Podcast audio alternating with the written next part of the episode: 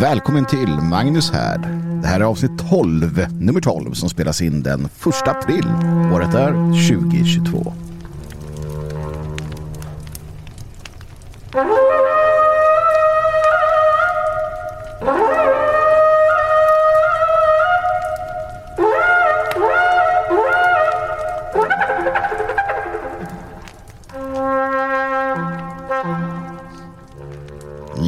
Visst är det första april och det betyder ju att jag ska skämta med er allihopa. Jag ska säga en massa tokiga saker och lura er till att tro att äh, saker och ting inte är som de är eller vad man nu kan eh, tänka sig.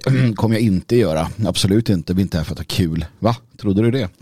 Um, jag intar samma position som Dan Eriksson gjorde på Twitter idag när han skrev det är första april och alltså dags för opposition. Nej, det var jag som skrev det. Vad var det Dan skrev? Han skrev så här.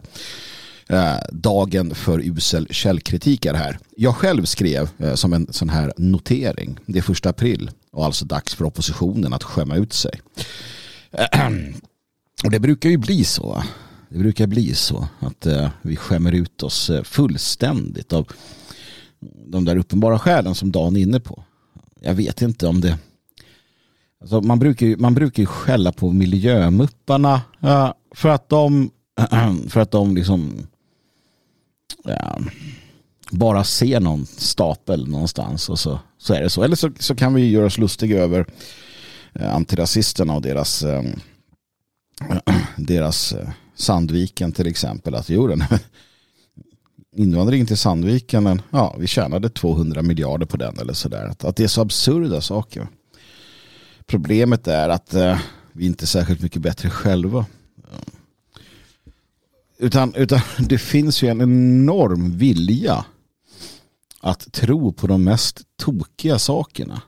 Och gärna då eh, förmedla dem vidare.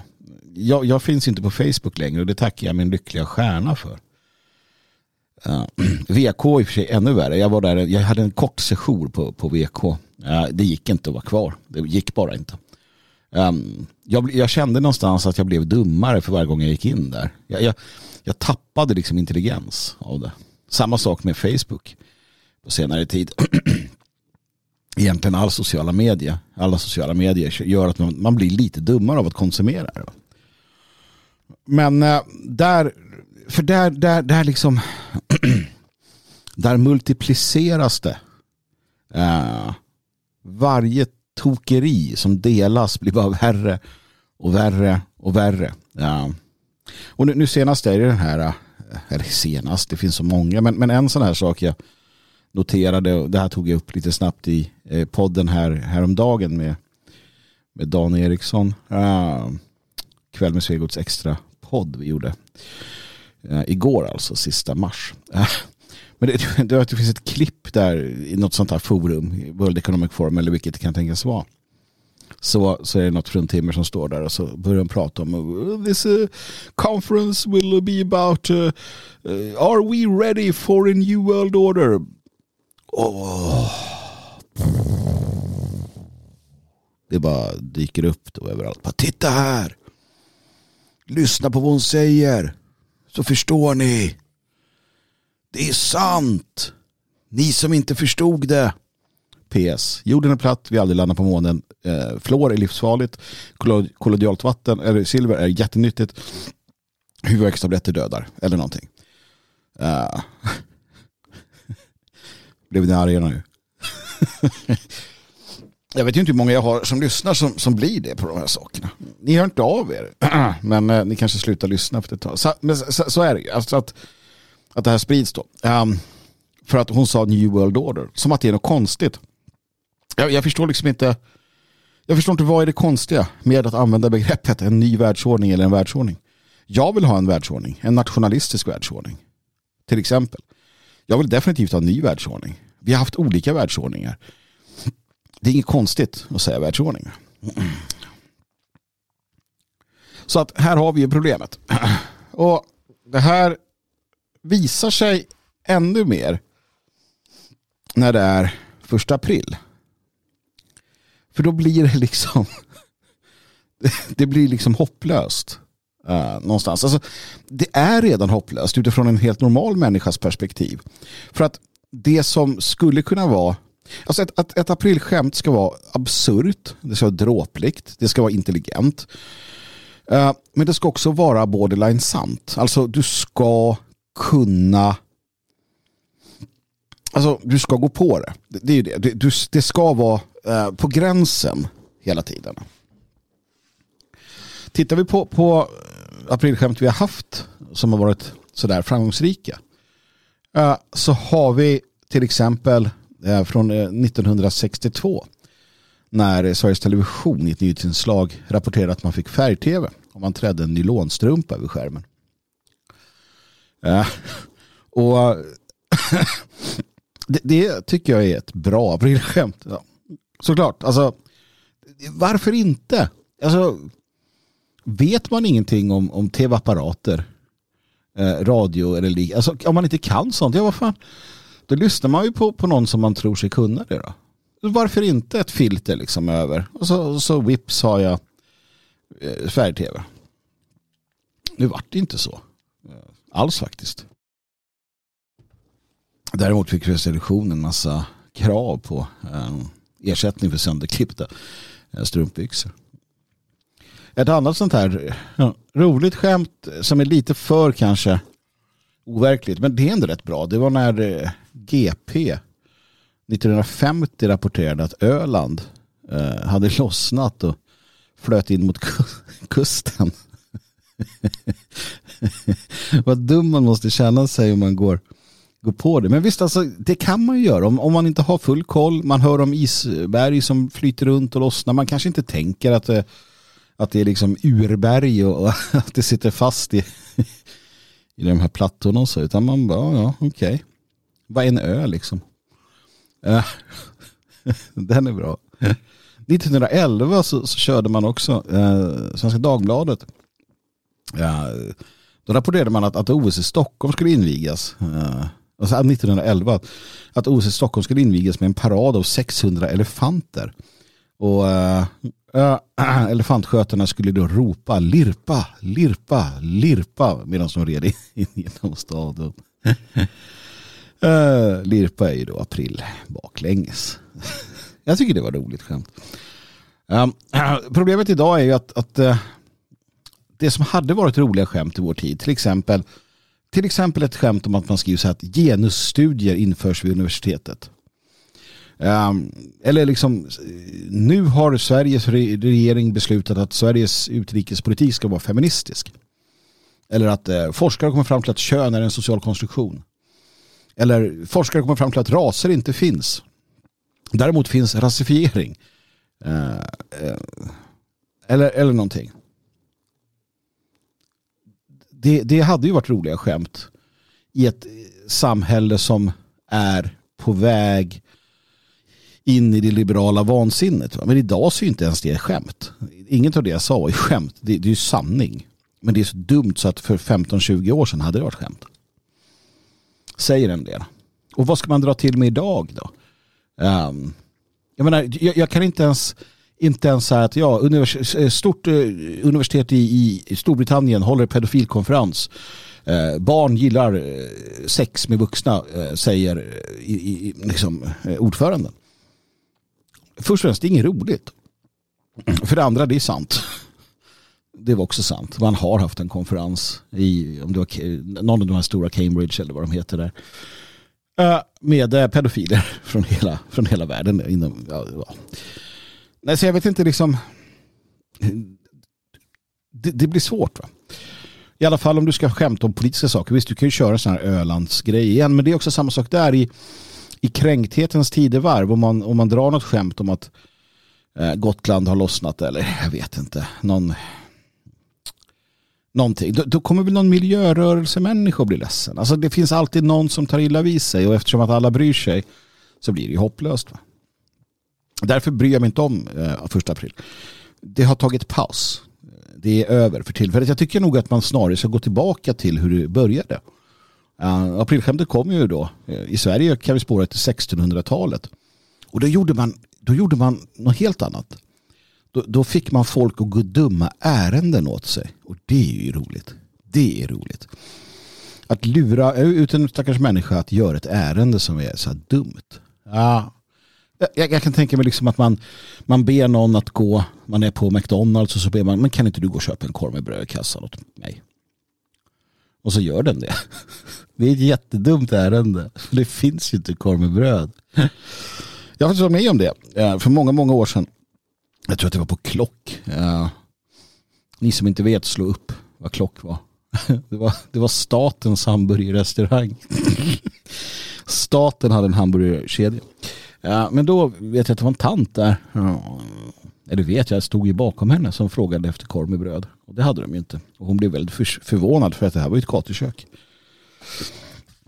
Ja, man kan också be uh, framförallt yngre människor då, ja, i, en, i en grabbig miljö så, uh, där man håller på och bygger och hamrar och slår så kan man, kan man be dem att uh, fylla på rakvatten i vattenpasset eller Eh, om de kunde ta och hämta synvinkeln eller du vet, de klassiska skämten. Det där är en form av snickarpappa-skämt som är eh, riktigt, riktigt bra.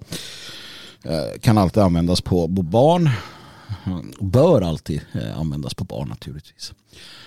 Gå och hämta rakvattnet. Mm. Det blir inga aprilskämt för min del. Och jag finner dem inte roliga heller jag, eh, jag bryr mig inte, eh, kort sagt. Så att, eh, nej, de fyller liksom ingen, ingen funktion idag. Så ni, ni, får göra vad ni vill. Alltså, ni får ju skratta åt de där patetiska aprilskämten som dyker upp om ni vill det. Uh, och, och, lura varandra. men, men det får stå för er helt enkelt. Jag, jag är inte jag gillar inte att bli lurad heller. Jag känner mig dum när jag blir det. Jag gillar ju att lura andra förstås. Eh, men inte, inte tvärtom. Jag erkänner i alla fall att jag är sån. Men återigen då, så, så kan vi inte, alltså förut, skit i aprilskämten. Liksom. Eh, skämta på, gör det, det är väl jättekul, jag vet inte. Jag, nu håller jag på att ändra mig här i mitt i sändning. Men, men det, det problemet som det, det, blir, alldeles oavsett, det är att vi kan vi inte bara vara lite normala. Och med vi menar jag i bred bemärkelse oppositionen. Kan den inte bara vara normal? En dag som denna visar ju då att den inte är det för fem öre utan att den här är inte bara den här dagen. Alla dagar visar ju det någonstans. Ja, för det kommer, det kommer vara så mycket elände som delas. Titta här. Bevis. Och det värsta är att de gör det så snabbt de som gör det. Jag vet inte hur många det är men de syns och hörs. De delar och så delar nästa, delar nästa. De blir aldrig liksom påverkade av det enkla faktum att oftast så, så kommer ju någon alltid in och så bara men hallå det här är ju fel. Du har fel, men det skiter ju de i. De har gått vidare, de har delat nästa och nästa och nästa. Så det finns alltså säkert tiotusentals människor i det här landet som, som benhårt är övertygade om allsköns dårskap som delas på sociala medier. Och att de har tagit det för sanning. De lever ju i en låtsasvärld. Har du tänkt på det? De lever i en låtsasvärld. Och det blir också osunt i det att, att alla de här tokigheterna som, som ibland kan definitivt ha korn och sanning i sig de blir också någonstans definierande för alla. Dels ska jag då behöva sitta och svara för sånt jävla trams. Um, men också att det blir ett helhetspaket. Du, du kommer in du, du, du inser att det finns problem till exempel i vårt land. Så söker du till en opposition. Men helt plötsligt så ska du virvla vattnet. Liksom. För att annars är du en dålig människa. Och är det någonting de här är så är det ju jäkligt äh, dömande. Också. Ja, om, om man inte har pondus att stå på sig så är de jäkligt dömande. Därför ska man ha pondus att stå på sig. Döma tillbaka istället. Eller inte lyssna om man liksom inte orkar. Men idag är det då dagen för usel källkritik. Det belönas idag så att säga. Och ja, jag, jag, jag vet vad som väntar så att jag kommer hålla mig borta från de sociala medierna uh, idag. Jag kommer hålla mig borta mer än vanligt för att jag, jag orkar faktiskt inte. Det kan vara din granne. Det kan vara han som kör dig till jobbet i taxin. Vi finns överallt. Ja. En annan sak som jag har tänkt på. Eller innan jag tänker på det. Innan jag, innan jag går vidare med det så. Um, härligt att vara tillbaka. Jag låg ju sjuk här igen. Blev det efter. Eh, blev det efter. Eh, årsmötet som föreningen hade för två helger sedan. Tänka sig, virus verkar finnas. Det är en sån där grej som, eh, som det, det, jag vet inte om det är en ny sån där grej som går runt. Att det finns inga virus. Jag tror inte kriget i Ukraina finns heller. Ja, egentligen gillar jag det. Alltså, någonstans, jag, har, jag kan inte släppa det, det hör det, jag kan inte släppa konspirationerna. Men egentligen gillar jag att det har gått så långt nu. För jag minns konspirationerna 95, liksom 2000, att jorden skulle gå under 2000. De var så specifika. Eller sådär um, ehm, detaljrika. Nu så har vi så att det, det har gått så långt, konspirationens evolution har gått så långt att det är så här, virus finns inte. Punkt. Haha, trodde du det? Eller, eller krig. Inget krig finns. Kriget i Ukraina är en bluff. Det, det, finns de som hävdar det. Eller att alla terrordåd du har sett är egentligen bara tv-produktioner. Punkt. Det är så här total förnekelse. Inte, inte det så här äh, inte en, en detalj så här att nej men det, det, här, det här anfallet här eller uh, den här delen i krigspropaganda utan det är att det finns inget. Krig det, uh, och det, var, det, var ju, det, det, det, var ju, det är ju konstigt. Men i alla fall. Uh, tydligen så blev jag sjuk i alla fall. Så att någonting fanns det som, som ställer till det. Och jag är fortfarande lite sådär. jag hostar va. Det, det ger sig inte. Jag vet inte fan vad det var kineserna släppte ut där. Alltså. Men eh, andra gången på sex månader som jag har fått den här. Eh, det, det, antagligen är det där covid-eländet. Jag vet inte vad det skulle vara annars. Det är väl bara det som går nu. Jag har ju inte testat mig, testat, testat mig positiv någon gång. Eh, och nu senast struntade jag i det också. Men eh, som sagt, det var en, en eländig, eh, eländig sån här inga mm, kändes som halsfluss. Det gjorde så ont. Jag vaknade med gråten i halsen och gick inte att svälja. Men eh, skam den som ger sig. Till sist så. Till sist är man tillbaka på banan. Bar, ba, barnan, banan igen.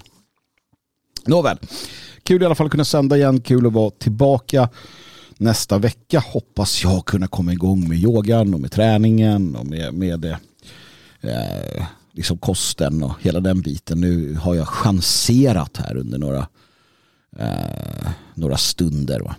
Men med tanke på det, det var en sån sak som jag satt och tänkte på ja, häromsistens den här träningshetsen. Nu menar jag inte det här normala, liksom, utan den här eh, enorma fokuset. Jag, jag, jag ser ju på sociala medier, ja, gud vad det dyker upp. Så här, så här ska du göra, så här ska du göra, så här kan du göra, så här ska du göra och så vidare. Och så vidare, och så vidare, och så vidare. Uh, du ska äta det och det ska vara, ja men ni vet, ni alla sett. Och då tänker jag så här, vad kommer det här ifrån? Vad, vad handlar det här om? Den här enorma uh, det här enorma fokus på på att, att äta ditten och datten och träna på ditten och datten sättet och så.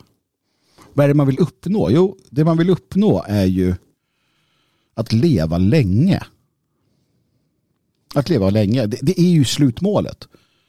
Att, att, att ha ett långt liv och sen då att ha ett långt liv, ett gott liv i det att du inte är sjuk. Absolut. Och sen sådana saker som att, att liksom, eh, ja, men, kunna funktionellt använda kroppen och sådär. Men i grunden handlar det om att leva länge. Du vill väl inte dö i hjärtattack när du är 65? Ät inte det där smöret. Eller vad det kan vara. Va? Du vill väl inte ha cancer vid 70? För att hur det än är så i de flesta fall, alltså om du inte har bakomliggande eller om det inte är något annat så, så lever du liksom Alltså du kan, om, även om du äter lite transfetter eller vad det kan vara så kommer du ändå leva eh, liksom, för, förvånansvärt länge kanske man ska säga. Ja. Och har du inte otur så kommer du vara hyfsat frisk och sådär. Det är klart att du kommer bli sliten och så. Jag, jag, menar inte att man inte ska träna. Jag menar inte att man inte ska ta hand om sig. Jag menar inte att man ska undvika skit. Absolut inte. Det är inte det. Utan, utan det jag tänker är att det här hetsandet kring de här sakerna bygger på en intressant sak. Och det är att du vill leva länge. Det, det är själva målet. Och tar du bort det ur ekvationen, att du, din inställning till din mortalitet eh, blir annorlunda, ja men helt plötsligt så betyder ju inte det där lika mycket. Då gör det inget om du äter lätta istället för Bregott. Det gör inget om du eh, ja, eh, skippar den ekologiska osten. Och, eh, ni vet vad jag menar.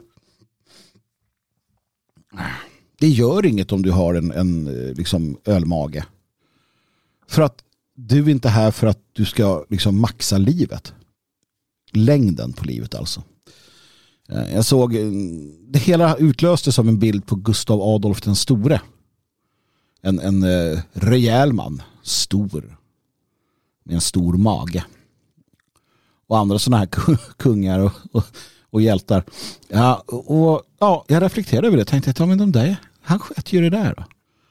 Han käkade ju, drog i sig sina vaktelägg eller vad det kan ha varit och, och gled runt. Han hade ju ingen... Han, liksom... de hade ju en annan syn på det här. Um, mycket gick ut på att Gud tar mig när han vill. Uh, jag ska köra på. Och uh, så fanns det ju aspekter av krig hela tiden. Att, att uh, nej men jag är en krigare. liksom orka hålla på. Orka hålla på och tänka på allt sånt där. Jag ska kriga och så dör jag ju. Krigaren behöver egentligen inte bry sig särskilt mycket om eh, träning och hälsa. för att han, han, eh, eller hon för den delen, utgår ju ifrån att dö på slagfältet. Um, och mentaliteten bakom det blir ju då att, att uh, liksom leva intensivt, tänker jag. Sen, sen finns det, och jag, jag förstår det, ni, ni, vet att jag inte är dum i huvudet på det sättet. Jag förstår det att i, i modern tid och även om du då ser det som en krigare i modern tid och, och du ska köra på så, så så krävs det ju då att du ingår i militären och det är träning och det är för liksom allt möjligt taktik och sådär. Men det är inte det här, utan jag, jag pratar rent, rent filosofiskt egentligen eller utifrån liksom ett, ett tänkesätt här. Det blir så väldigt ängsligt när målet blir att leva nästan för länge jag tror att du blir hindrad i att leva ett gott, fullgott, fullödigt liv. Om du har som något form av slutmål att leva förbannat länge. Jag vill vara mer som Gustav Adolf eller andra som sådär, nej men jag kör på. Ja. Kör på och få barn och så vidare va. Sen, jag gillar ju att leva. Um, det är inte det. Jag tycker det är riktigt kul. Uh, och jag har tänkt fortsätta med det så länge jag får. Och ja, jag tänker träna och äta så rätt jag kan. Men jag tänker heller inte hänga upp mig på det. Jag tror att jag kanske har gjort det lite grann där. Innan jag började tänka på de här sakerna så hängde jag upp mig. Det blev, det blev lite för kanske koncentrerat kring detta kanske lite för mycket av det goda så att säga. Och det där är en mentalitetssak helt enkelt. I grund och botten är vi ju krigare.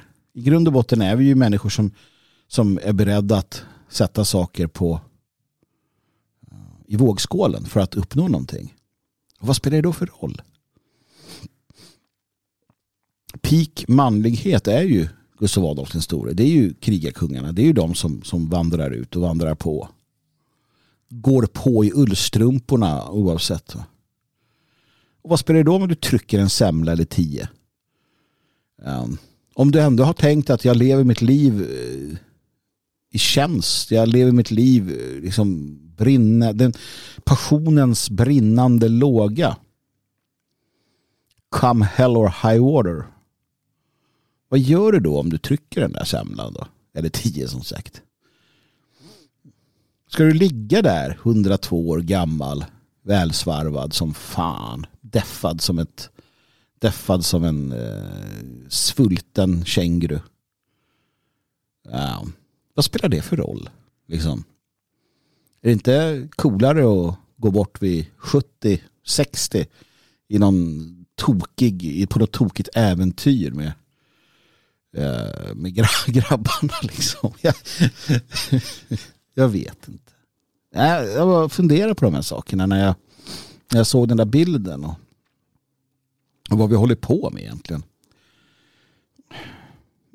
Jag menar, om du tänker dra ut på äventyr, om du tänker skriva den stora sagan om dig själv, alltså antagligen dö på något sätt, så behöver du inte bekymra dig om hälsan blir sämre vid 55-60. Och det finns äventyr att gå ut på idag. Det finns det. ju. Problemet är också att vi, alltså hela den här hetsen kring, kring träning och hälsa och ät inte det utan ät det. Du ska äta okokt kött eller du ska äta eh, kött som är stekt upp och ner. Eller du ska, nej men ni vet ju.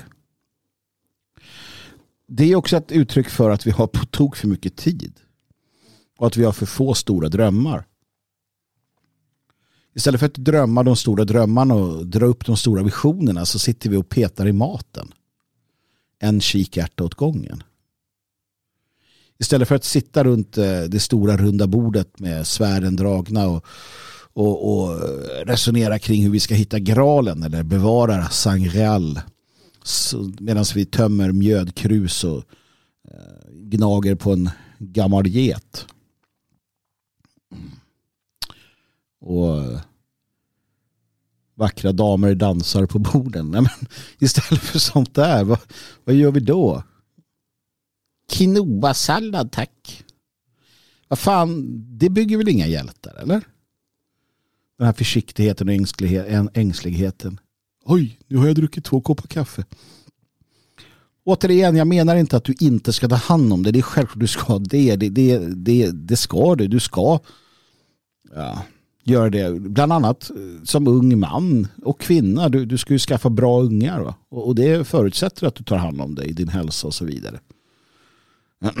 Det är inget fel med det. Det är inte det jag säger. Jag, jag, jag är lite orolig för att det här kommer användas eh, som en ursäkt för att slippa göra någonting. Men jag tror att ni är kloka nog att förstå vad jag menar.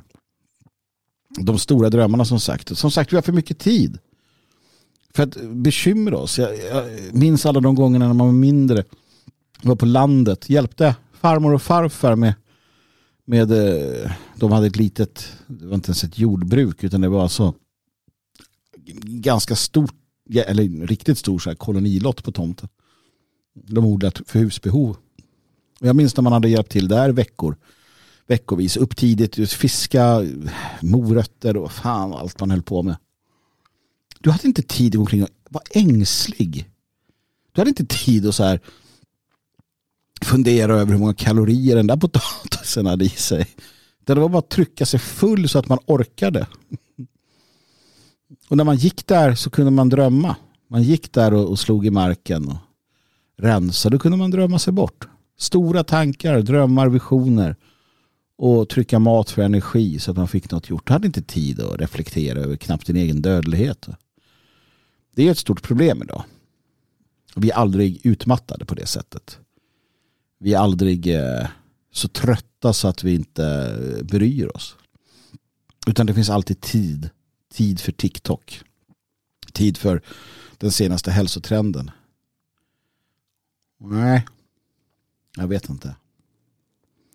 Men det känns ju som att eh, någonting är skumt här. Eller vad tycker ni?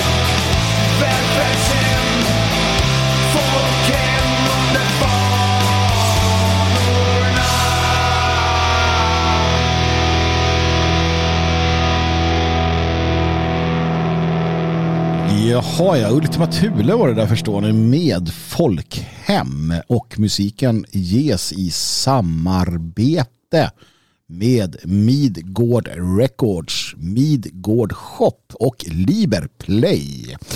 Midgård Records ger ut eh, musik och det de ger ut samt så mycket annat går att köpa på midgardshop.com alltså Midgard Shop, Guard, alltså AA, Midgård Shop med eh, AA.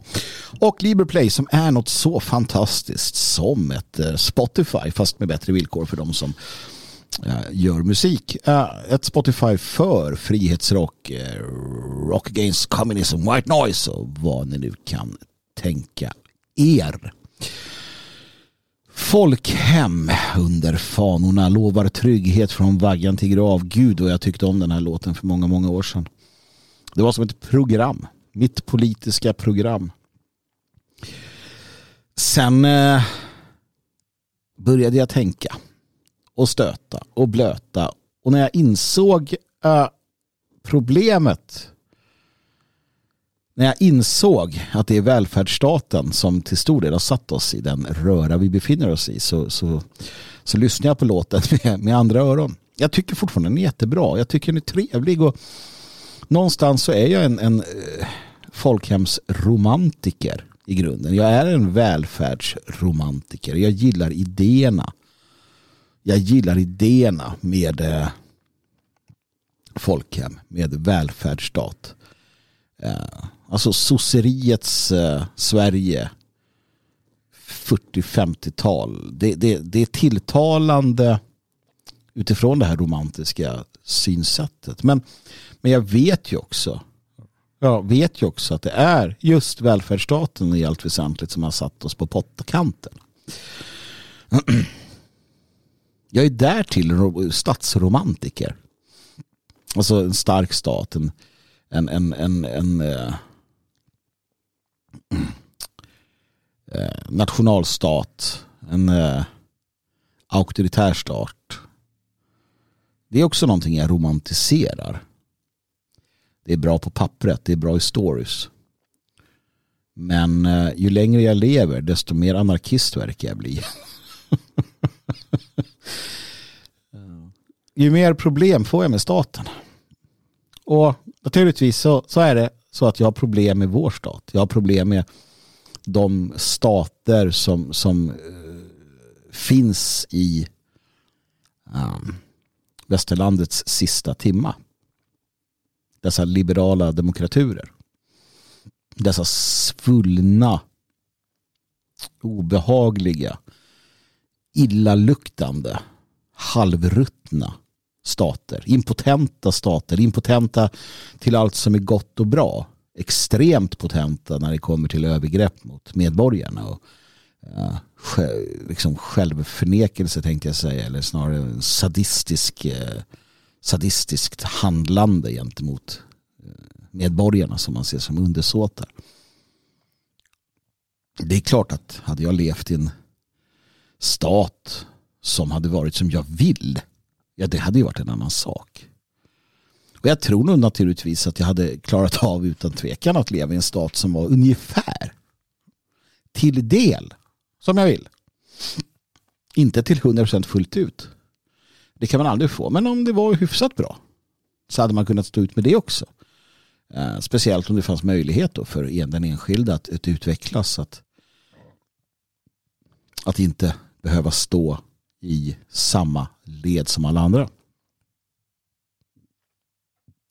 Det är väl lite grann därför man står ut med den, den stat man lever i. Det finns möjligheter. Så till skillnad från en auktoritär diktatur som på alla sätt och vis hade um, också då kunnat kontrollera även den fria själen som um, alltså demokraturen har ju den här fördelen för oss. Alltså att om du som jag eh, inte bryr dig. Om du någonstans till sist sådär har klivit ut ifrån samhället, du, du struntar i om du blir paria, ja, då kan du ändå ha det bra i det här samhället. Du bryr dig inte om, om massmedia ljuger om dig. Du bryr dig inte om du eh, hängs ut som ditten eller datten och om du kan klara dig, hanka dig fram, liksom. ha en käraste och få lite barn och ha en bil och mat på bordet och kunna få uttrycka sig och härja lite. Det blir ju det någonstans där. Eh, det kan du göra i en demokratur. Krävs mycket av det. I en diktatur kan det bli svårare för då kan det sluta med att du hamnar bakom lås och bom. Det kan sluta med att du, det går riktigt illa. Det kan du göra i Sverige också. Men om du kan föra dig lite grann så, så brukar du kunna komma undan. Därför föredrar jag den liberala demokraturen, om jag måste välja, framför en, en eh, knepig auktoritär liberal statsbildning. Eller för den delen någon, någon sån här statsnationalistisk eh, imperiesituation som du har i Ryssland. Så föredrar jag det, det svenska eh, pissliberala systemet. För här är jag fri i anden på ett annat sätt. Jag är fri i tanken på ett annat sätt. Jag kan som sagt sitta här och uttrycka mig och vi kan göra saker som det fria Sverige och så vidare. Uh, naturligtvis hade jag föredragit en, en långt mycket mer frihetlig statsbildning. Jag tror ju på staten. Jag tror att det behövs. Mm. Men jag hade ju föredragit en, långt mycket mer ja, tillåtande, öppen, fri statsbildning än den vi har idag. Och här ser jag problem med fascismen och nationalsocialismen och liknande fyrkantiga uh, ideologier som i alla fall så som de har uh, hur, de, hur de var när de var. Jag, jag tycker inte att det bara ska få finnas en scoutrörelse som heter eh, ledarens namn och ungdom efteråt. Det, det, tycker jag inte. Jag tycker det ska finnas eh, möjlighet för familjer att välja vilka ungdomsrörelser eller scoutrörelser eller vandringsföreningar deras barn ska vara en del av och så vidare. Jag tycker inte att det ska vara statligt, eh, statligt tvång på skola till exempel. Jag tycker att hemskolning ska vara ett fullgott och tillåtet alternativ etc. etc. Men lik förbannat som sagt så, eh, så ja, föredrar jag då det som är nu mot eh, vissa andra sådana här idéer som finns runt omkring. När staten blir ens fiende, det var det jag ville eh, prata lite om. Och det, det är det den är. Och jag kan inte nog understryka detta. Det är inte en, det är inte en liksom filosofisk eh, fråga eller en liksom statsvetenskaplig liten utläggning utan det är ett faktum att staten är vår fiende. Den har blivit allt mer fientlig genom åren. Um, vissa friheter kan ha blivit bättre. Religionsfriheten hade vi inte förr på det sättet. Eh, men, men, det har vi idag och så vidare. Men, men generellt sett så så har vi förflyttat oss i en riktning där staten har blivit mer fientlig och någonstans jag ska inte säga mer auktoritär för det är klart att vi, vi har haft en mer auktoritär statsbildning tidigare. I alla fall också om du tar in kulturen och, och liknande mot idag. Men den är Eh, demokraturisk. Jag, jag har inget bra begrepp här men ni vet vad jag är ute efter tror jag. Och även om vi kan konstatera att vi är fria i det, att vi kan organisera oss som vi gör i det fria Sverige. Även om vi kan eh, naturligtvis ge ut tidningar eller som i det här fallet då eh, sända eh, radio som, som eller spela in poddar som eh, faktiskt går ut på att konstatera att man är en statsfiende. Det är ett bra betyg. Det är ett bra betyg för staten att jag kan sitta här och säga att jag är statsfiende. Um, uh, jag får se, kanske slutar med att de kommer och stormar in och sliter iväg mig. Men att, att man kan eh, man kan vara väldigt rak och tydlig. Det uppskattar jag. Det är därför jag säger det att jag gillar uh, jag gillar uh, den svenska liberala demokraturen uh, eftersom den ger mig den här möjligheten att, att ändå kunna protestera eh, mot, mot den. Det hade varit knepigare om man inte kunde det. Men det till trots uh, så, så måste man då förstå, som jag säger, att, att, att det är en, en fiende. Att staten är en, en motståndare. Det är en fiende, en, en, en, en, att de vill oss inte väl helt enkelt. Um, och, och, det är ju ett problem i sig, såklart. Men ett, ett uh, ja, kanske större problem som är också mer sant. Alltså, det är klart att det finns, det finns uh, delar av statsmakten som, som, inte vill oss väl. Men, men ännu större problem är att, uh, att det de gör är det bästa de kan någonstans. Och att, att mycket det de gör går ut på den egna makten. Alltså det är inte det att vi ska straffa Även om det finns. Reinfeldt var ju tydlig med att han skulle straffa folk. Men, men mycket går ut också på att, att eh, spela maktspel och, och hålla sig kvar vid makten och göda sig själv och sina egna. Lite skit i samma vad som händer med undersåtarna. De ser oss som undersåtar, inte medborgare. Och delvis så, så måste man acceptera sånt. Eh, när det kommer till statsbildningar och statsmakter man, man måste acceptera att, eh, att det är människor. Man måste acceptera att de eh, naturligtvis kommer spela ett spel, att de kommer försöka hålla kvar sig själva vid makten. Och det kan vara okej. Okay. Det kan vara, det kan vara, det kan vara görligt. Om samhällskontraktet finns och fungerar. Det är samma som i en relation. Alltså, du kanske är tillsammans med en karslok som har sina fel och brister men du bedömer att sammantaget så överväger de positiva aspekterna. Så jag får leva med de här eh, avigsidorna. Det gäller naturligtvis för oss män också som kan titta på våra fruntimmer och tänka det att ja fy fan. Det här och det här, och det här är ju upprörande och jobbigt. Men, men, när jag väger allt samman så är hon ju en riktig liten pärla. På samma sätt kan man titta på en stat så kan folket titta på staten och säga att ja, alltså, det finns ju vissa problem, det här och det här och det här. Men övervägande dels upprätthålls detta samhällskontrakt vilket gör att det får gå. För att det överväger. Och sådana saker kan vara till exempel uh, till exempel att uh, vård och omsorg fungerar riktigt bra då känns det som att eh, man kan betala lite skatt. Om eh, tryggheten från vaggan till grav faktiskt upprätthålls så tror jag att väldigt många hade varit väldigt nöjda.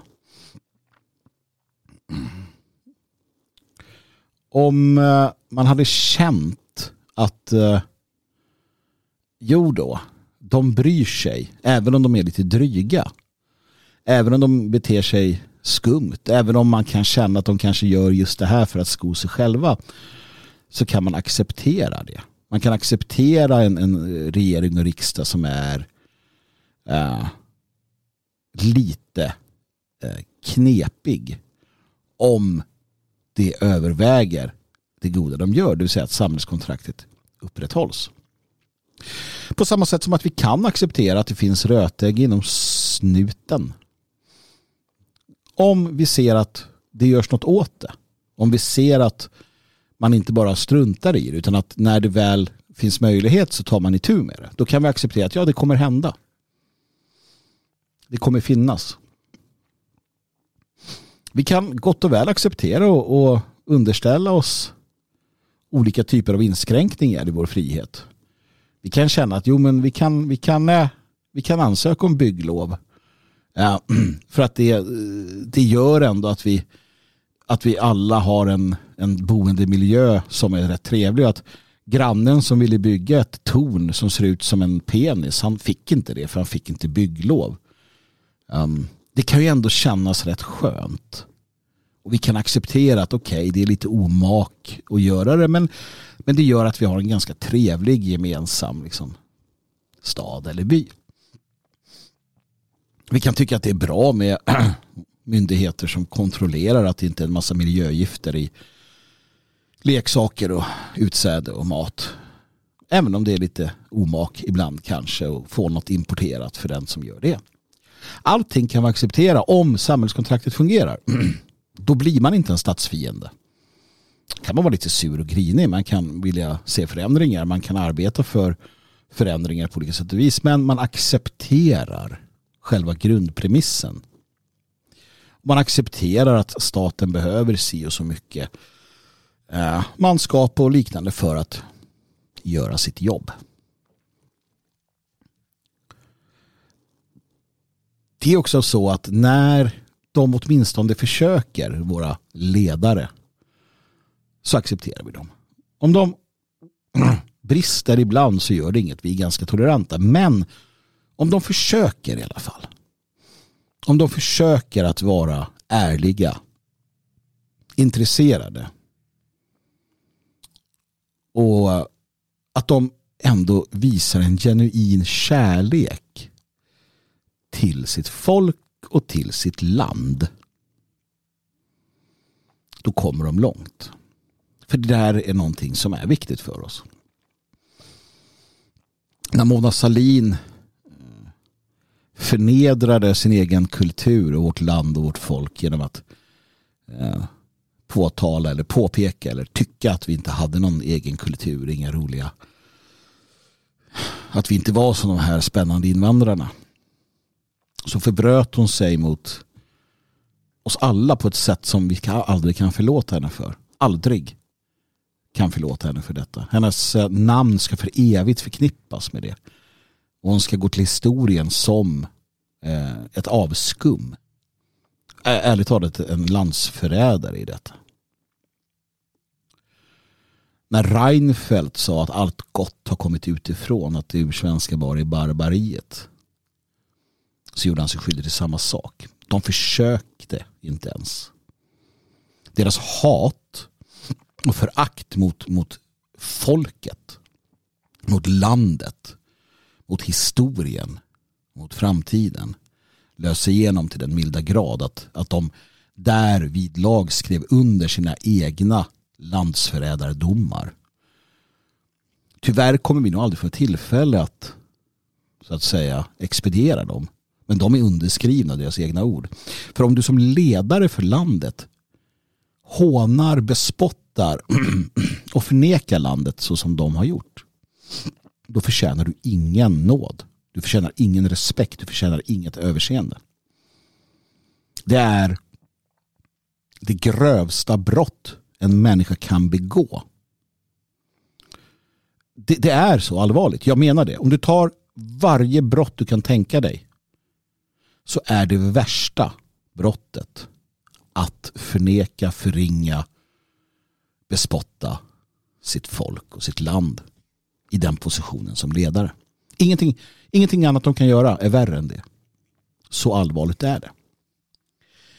Och när en stat på bred front agerar utifrån den typen av resonemang då har vi ett problem. Det är en sak att samhällskontraktet inte upprätthålls, vilket det inte gör i Sverige. Samhällskontraktet upprätthålls inte. Eh, som den där gamla eh, landsförrädaren sa, Scania-chefen.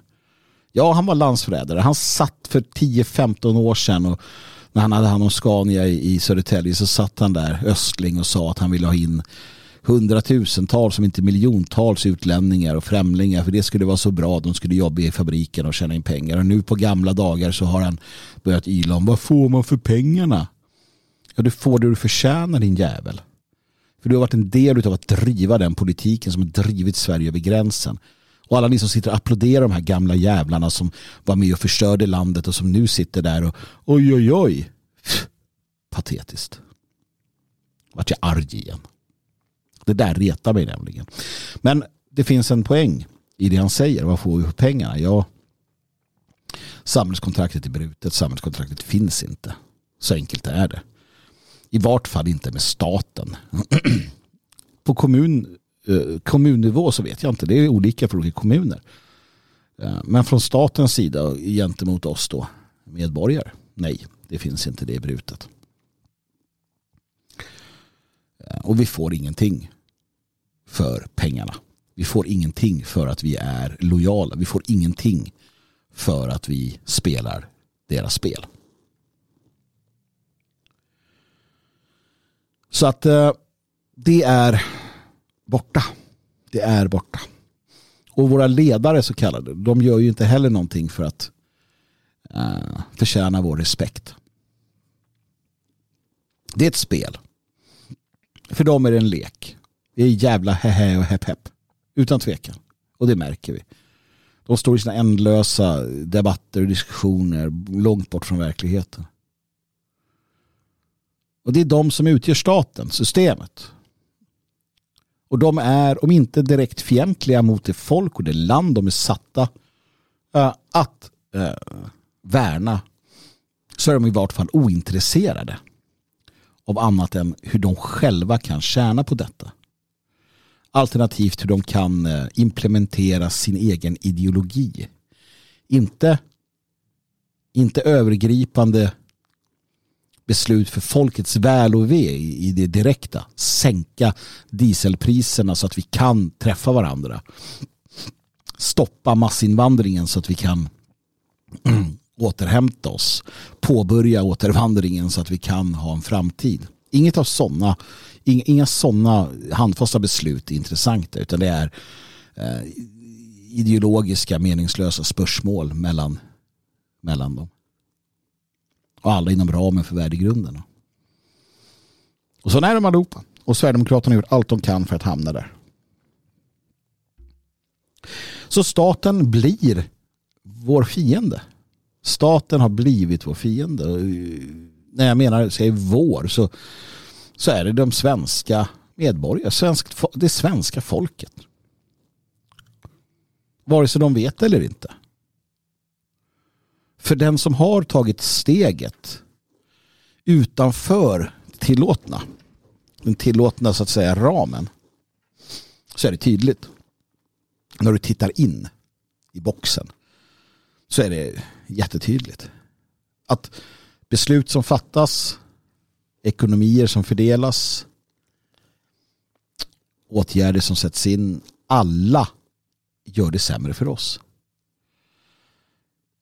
det kanske lite snabbt gör det bättre för någon höginkomsttagare eller låginkomsttagare någonstans. Men om du tittar på utfallet för hela folket så går det ständigt neråt. Och när din stat ställer till det för dig som folk då måste du börja fatta en del beslut. Du måste börja tänka på ett visst sätt. Och du måste för dig själv, och jag vill att du gör det nu säger staten är min fiende.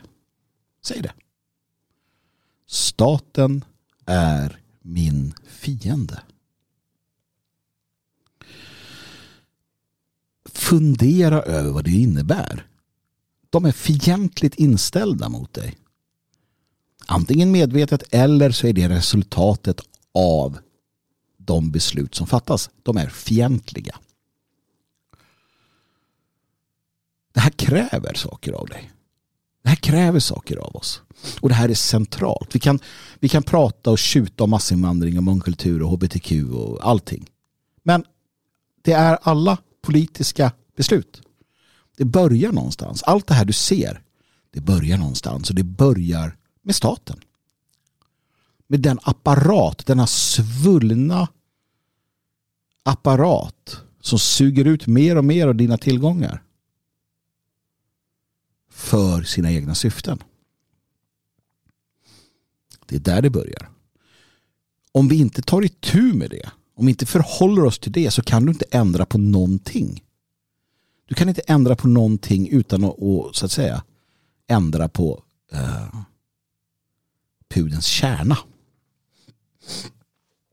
Det är här det krävs att man funderar efter att man har erkänt och accepterat att det är så Staten är fientlig mot dig. Staten är din fiende. Det betyder inte att alla som jobbar i staten är en fiende. Det betyder inte att, att eh, alla som, som finns i statens institutioner är fientliga eller att de ogillar dig. Egentligen så skulle det kunna vara så utan att någon enda utav dem som upprätthåller staten egentligen är särskilt ogina. Staten är en levande enhet, en organism i sig själv. Ja, jag vågar nog säga att det är så. Du kan byta ut dem byta ut alla. Den kommer fortsätta tugga på i sin byråkrati.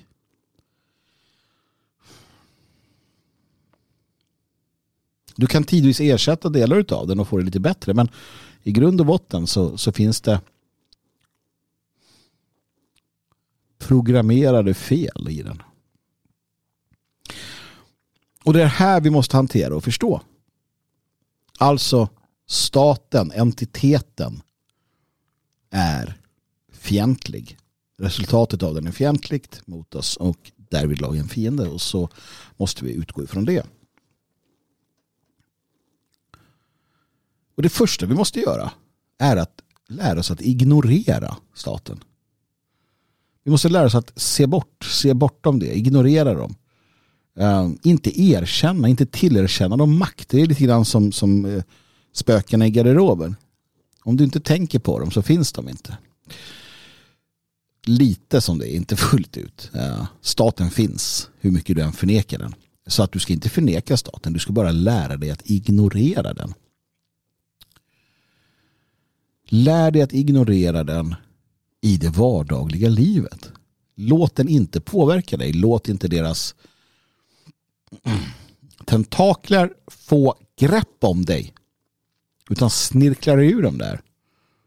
Du behöver inte staten och deras råd och tips och tricks och vad det nu kan vara för att leva ditt liv. Den lägger sig i så mycket den kan för att bli viktig i ditt liv. Låt den inte bli det. Vi ska också vara ögontjänare. Lyd. Gör som de säger. Men gör det när de ser. I övrigt följ moralen. Problemet är att det som är moraliskt sällan är det som en sån här fientlig stat är ute efter. Så här, här måste man lära sig att eh, förstå när man, när man, när man ska lyda. Och allt handlar om taktik. Ja, du ska för din egen skull vara så lydig som du kan. Men du ska också för din egen skull göra allt du kan för att hitta kryphål. För att hitta vägar runt. Nej, jag vill inte att du ska utveckla dig till en rättshaverist för de är så pass begränsade i sin vardag och så uppfyllda av en, en, ett liksom vansinne som gör att de är odugliga. Rättshaverister är odugliga i det mesta. För det, de är grälsjuka. Grälsjuka mot staten. Och det kan man förvisso vara. De kan förvisso vara lustiga. Men det är inte en väg framåt. Staten vinner. Är det något staten kan så är det att gräla. Så du ska inte vara grälsjuk. Och du ska inte ägna din tid åt att försöka utmana staten på deras villkor. Det finns ingen mening. Jag har sett alla de här att vi ska nu måste vi göra så här. Nu stämmer vi dem så ska vi nog få ordning på detta. Nej, det får ni inte. Det är klart att du kan stämma och du kan anmäla eller du ska. Du ska hålla på med sånt. Det kostar pengar för dem nämligen. Men du ska inte tro att det spelar någon roll. Så att du ska hitta alla kryphål. De som gör, de som gör att det blir lite sämre för staten och lite bättre för dig och din familj. Och du ska vara ögontjänare. Du ska framför allt tänka på vad som är bra för dig, din familj och ditt folk. Inte vad som är bäst för staten. Det, det, det företag gör kallas skatteplanering. När vi gör det så är det skattefusk. Om en privatperson gör det då jävlar. Men du ska inte fuska. Du ska inte eh, bryta mot lagar som, som kan drabba dig väldigt illa. Men du ska vara smart och du ska lära dig att hantera systemet. Och du ska lära dig att dra nytta av systemet. Det är inte olagligt nämligen. Det finns många sätt att så att säga ögontjäna och se till så att du kommer ut på topp. Och du ska också utnyttja systemet. Systemet finns där och det är uppbyggt på ett visst sätt. Du ska lära dig att utnyttja det. Precis som främlingarna som kommer till vårt land och eh, skär guld med smörkniv eller vad säger man? Så ska du lära dig att utnyttja systemet. Det är ditt system i grund och botten. Det är dig de har pungslagit i alla år. Nu är det dags att få något tillbaka. Lär dig systemet. Lär dig hur du kan utnyttja det. Det är inget fel. Det är inget fel att göra det. Systemet vill dig illa. Åtminstone så blir resultatet, utfallet av det de gör illa för dig. Var inte en del av det. Stå upp för dig själv, vill dig själv väl. Men, men det här går bara att förstå om man, om man förstår att man har den relationen med systemet. Alltså så länge du, du tror att systemet i grund och botten ändå någonstans vill dig väl och man försöker men misslyckas och så, så, så kommer du inte förstå det här. Då kommer du vara kvar i det där ekorrhjulet. Hamsterhjul låter bättre. Du måste ta ett kliv bort. Kliv bort, ut ur deras trygga, förment trygga, upplevt trygga ram. Titta in utifrån så ser du. Då ser du vad, vad det handlar om och att du själv där måste ta ansvar. Du måste ta ansvar och leva den förändring du vill se. För den, den här nuvarande situationen är inte huggen i sten, inte på något sätt. Inte på något sätt. Det är en, det är en parentes. Det system vi har och det, det uppbyggnaden vi har, den, den eh, liksom samhälleliga samhälleliga plan vi, vi, vi, står på. Allt det här är, är öppet för förändring. Och lever vi förändringen i det lilla så kommer det påverka det stora förr eller senare.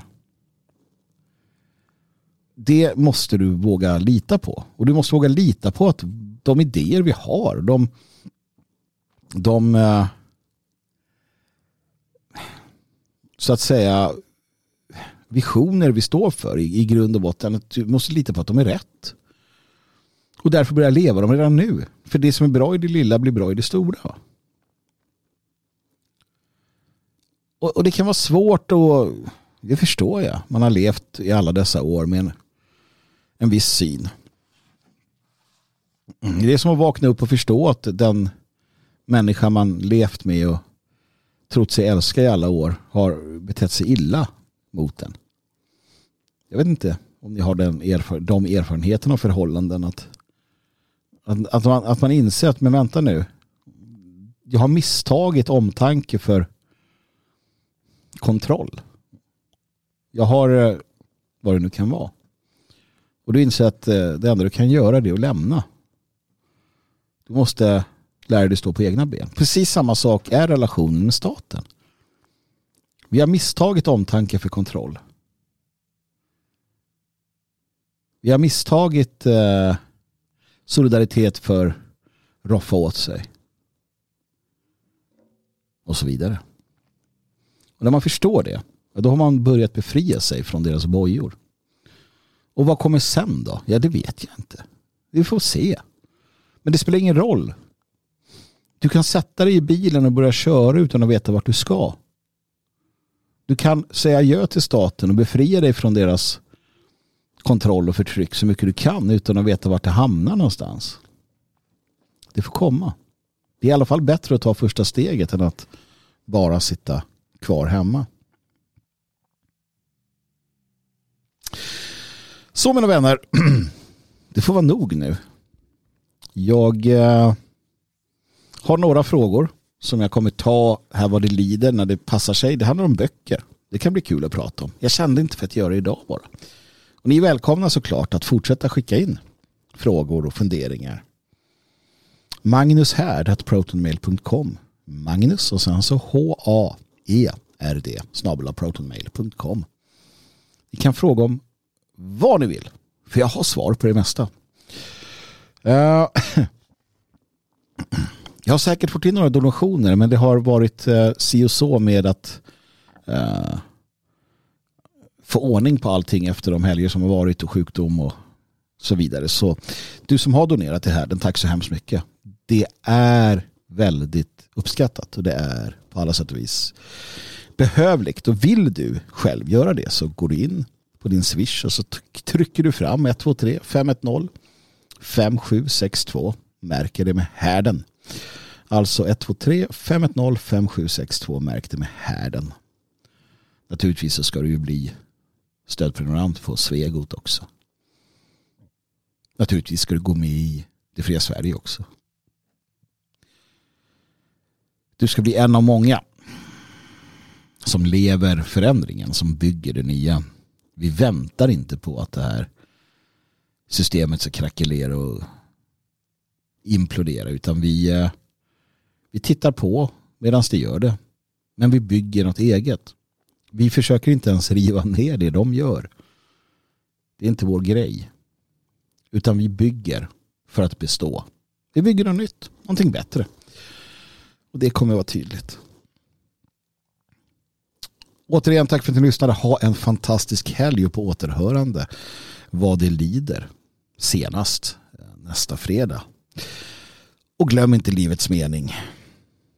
Slåss med troll. Befria prinsessor. Döda varulvar. Det, det är att leva det. Och sist men inte minst. Ge aldrig